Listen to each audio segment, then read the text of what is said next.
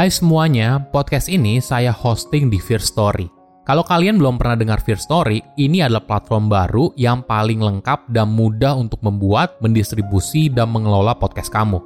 Nah, jadi Fear Story itu bisa kamu gunakan 100% gratis. Kamu bisa mengupload episode terjadwal dan mendistribusikan podcast kamu di semua platform podcast di Indonesia. Fear Story juga menyediakan customer service yang berisikan podcaster berpengalaman kamu bisa share podcast kamu tanpa ribet dengan F-Link yang akan mencakup semua link platform kamu dan sosial medianya. Dengan Fear Story Ads, kamu bisa mengakses monetisasi yang mudah dan beneran bisa kamu cairin tanpa biaya tambahan, gak pakai repot. Jadi tunggu apa lagi? Yuk maksimalkan podcast kamu dengan platform hosting dari Fear Story. Daftar sekarang di fearstory.me dan buat podcastmu jadi kenyataan.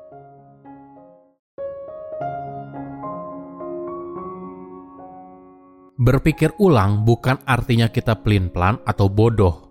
Berpikir ulang adalah tanda kita mengakui ada yang salah dan terbuka pada alternatif lain untuk keluar dari situasi tersebut. Halo semuanya, nama saya Michael. Selamat datang di channel saya, Sikutu Buku. Kali ini saya akan bahas kenapa manusia sulit sekali berpikir ulang. Ini merupakan rangkuman dari video TED Talk yang berjudul What Frogs in Hot Water Can Teach Us About Thinking Again dan diolah dari berbagai sumber. Manusia sulit sekali berubah. Kita sering kali ragu untuk berpikir ulang atas apa yang sudah ada, hingga akhirnya semua terlambat. Mungkin ini alasan kenapa kamu tetap bertahan pada pekerjaan yang buruk. Kenapa kamu bersedia menunggu begitu lama di sebuah restoran, atau kenapa kamu tetap berada dalam hubungan percintaan yang buruk padahal sudah ada begitu banyak tanda red flag di mana-mana. Kita merasa kalau kita menyerah atau berhenti, maka semua pengorbanan yang telah dilakukan, semua energi, sumber daya, dan waktu yang sudah dihabiskan akan terbuang sia-sia. Jadi, opsi satu-satunya adalah terus bertahan dan berharap kondisi akan membaik di masa depan. Sayangnya, realita sering kali tidak begitu. Pilihan ini bisa saja membuat kita terperosok semakin dalam, hingga pada akhirnya kita tidak bisa keluar. Ketika kita terlalu fokus pada satu hal, segala kemungkinan lain tidak akan terlihat. Baratnya, kamu berada di dalam sebuah terowongan, maka kamu hanya fokus untuk mencari jalan keluar ke depan, padahal jika saja kamu melihat ke kiri atau ke kanan, di sana ada pintu darurat yang bisa membawamu keluar dari situasi tersebut. Sebelum kita mulai, buat kalian yang mau support channel ini agar terus berkarya, caranya gampang banget kalian cukup klik subscribe dan nyalakan loncengnya. Dukungan kalian membantu banget supaya kita bisa rutin posting dan bersama-sama belajar di channel ini. Apakah kamu pernah dengar jika kamu menjatuhkan kodok di panci yang berisi air panas yang mendidih, maka kodok itu akan langsung lompat? Tapi jika kamu menaruhnya di air hangat, lalu pelan-pelan menaikkan suhu airnya, maka kodok itu tidak bisa selamat karena kodok itu tidak sadar kalau air hangat yang jadi panas pelan-pelan menjadi jebakan yang mematikan hingga semuanya terlambat. Ini adalah sebuah analogi yang cocok untuk menggambarkan manusia.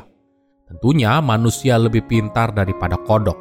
Tapi dunia yang kita tinggali sekarang ternyata penuh dengan kondisi panci dengan air mendidih lambat.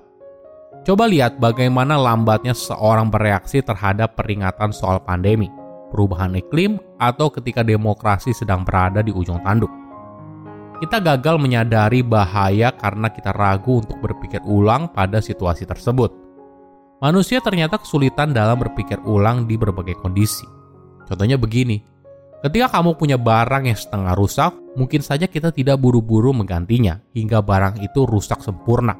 Memang tidak selamanya begitu, di aspek lain dalam hidup, kita mudah sekali berubah pikiran misalnya mengganti gaya pakaian atau mendekor ulang rumah. Tapi jika berhubungan dengan tujuan, identitas, dan kebiasaan, kita cenderung bertahan pada pola lama. Sayangnya, di dunia yang bergerak begitu cepat, ini merupakan masalah besar. Menariknya, semakin cerdas seseorang, maka orang itu cenderung semakin sulit untuk berpikir ulang. Orang itu selalu mencari pembenaran untuk meyakinkan dirinya kalau dia ada di jalan yang benar. Padahal ini adalah kepercayaan yang semu. Kecenderungan ini dikenal sebagai escalation of commitment. Coba bayangkan situasi ini. Tahun lalu kamu menganggarkan biaya 500 juta untuk proyek pengembangan bisnis. Tapi sayangnya hingga saat ini belum menunjukkan hasil yang memuaskan. Kepala proyeknya lalu bilang ke kamu kalau mereka butuh tambahan biaya 300 juta rupiah lagi untuk memperbaiki situasi. Jika dana itu tidak ada, maka tidak ada harapan untuk mengubah situasi yang buruk. Apa yang kamu lakukan? Apakah kamu bersedia berinvestasi lagi dan beresiko memperbesar kerugian? Atau kamu menghentikan proyek dan menerima kerugian 500 juta rupiah? Ini memang bukan pilihan yang mudah. Tapi dalam hidup, mungkin saja kamu mengalami dilema ini, di mana kamu harus berhenti atau bersikeras untuk mewujudkannya menjadi kenyataan. Bahkan ketika fakta kalau itu merupakan keputusan yang buruk sekalipun, kita bisa meyakinkan diri kita, jika saja kita mengerjakannya sedikit lagi, maka kita akan sukses. Escalation of commitment adalah alasan kenapa banyak bisnis berakhir bangkrut. Blockbuster, BlackBerry, dan Kodak adalah contoh yang nyata. Para pemimpin terus-menerus berada dalam posisi yang buruk, gagal untuk berpikir ulang strategi yang lain. Escalation of commitment juga menjelaskan kenapa kamu tetap bertahan pada pekerjaan yang buruk. Kenapa kamu bersedia menunggu begitu lama di sebuah restoran? Atau kenapa kamu tetap berada dalam hubungan percintaan yang buruk? Padahal sudah ada begitu banyak tanda red flag di mana-mana. Ini bukan perkara mudah untuk mengakui kalau selama ini kita salah dan sudah menghabiskan begitu banyak waktu, energi, dan sumber daya yang berharga. Jadi, kita lalu berusaha meyakinkan diri, jika saja saya berusaha lebih keras, maka situasi ini akan membaik. Sayangnya, sering kali realita berkata sebaliknya. Sudut pandang ini mungkin berbeda dari apa yang selama ini kita pelajari. Kita hidup dalam budaya yang mengagung-agungkan untuk satset-satset, kerja, kerja, kerja, dan sebagainya. Tapi kadang semua ini membuat kita terus bergerak, padahal kita seharusnya berhenti untuk berpikir ulang.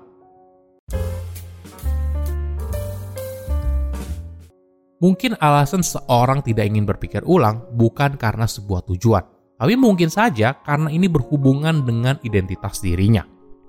Bayangkan, selama ini kamu dikenal sebagai pengusaha fashion yang sukses. Apa yang terjadi ketika penjualan mulai turun? Tren sudah berubah dan produkmu tidak lagi laku di pasaran. Jika menjadi pengusaha fashion yang sukses adalah identitasmu satu-satunya, mungkin saja ini bisa jadi masalah besar. Kamu bisa saja berusaha melekat pada identitas tersebut, ketika kamu seharusnya berhenti dan mencoba peluang di bisnis yang lain. Dalam psikologi, terminologi ini dikenal sebagai identity foreclosure, di mana kamu secara prematur melekat pada sebuah identitas diri dan menutup atas segala kemungkinan yang lain. Mungkin ada pertanyaan besar yang membuat kamu berhenti untuk berpikir ulang. Jika saya bukan seorang pengusaha fashion yang sukses, lalu siapa saya? Pertanyaan ini yang membuat kamu jadi menutup segala kemungkinan yang lain dan pada akhirnya bisa berbahaya. Kamu mungkin pernah mengalami identity foreclosure. Mungkin kamu terlalu melekat pada sebuah ide soal sekolah seperti apa sebagai tempat kamu belajar, pasangan seperti apa yang kamu nikahi, atau karir apa yang kamu pilih.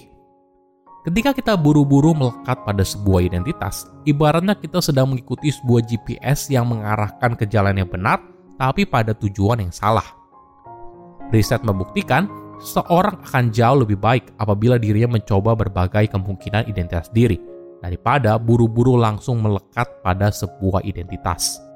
Silahkan komen di kolom komentar pelajaran apa yang kalian dapat ketika tahu informasi ini. Selain itu, komen juga moto informasi apa lagi yang saya review di video berikutnya. Saya undur diri, jangan lupa subscribe channel YouTube Sikutu Buku. Bye bye.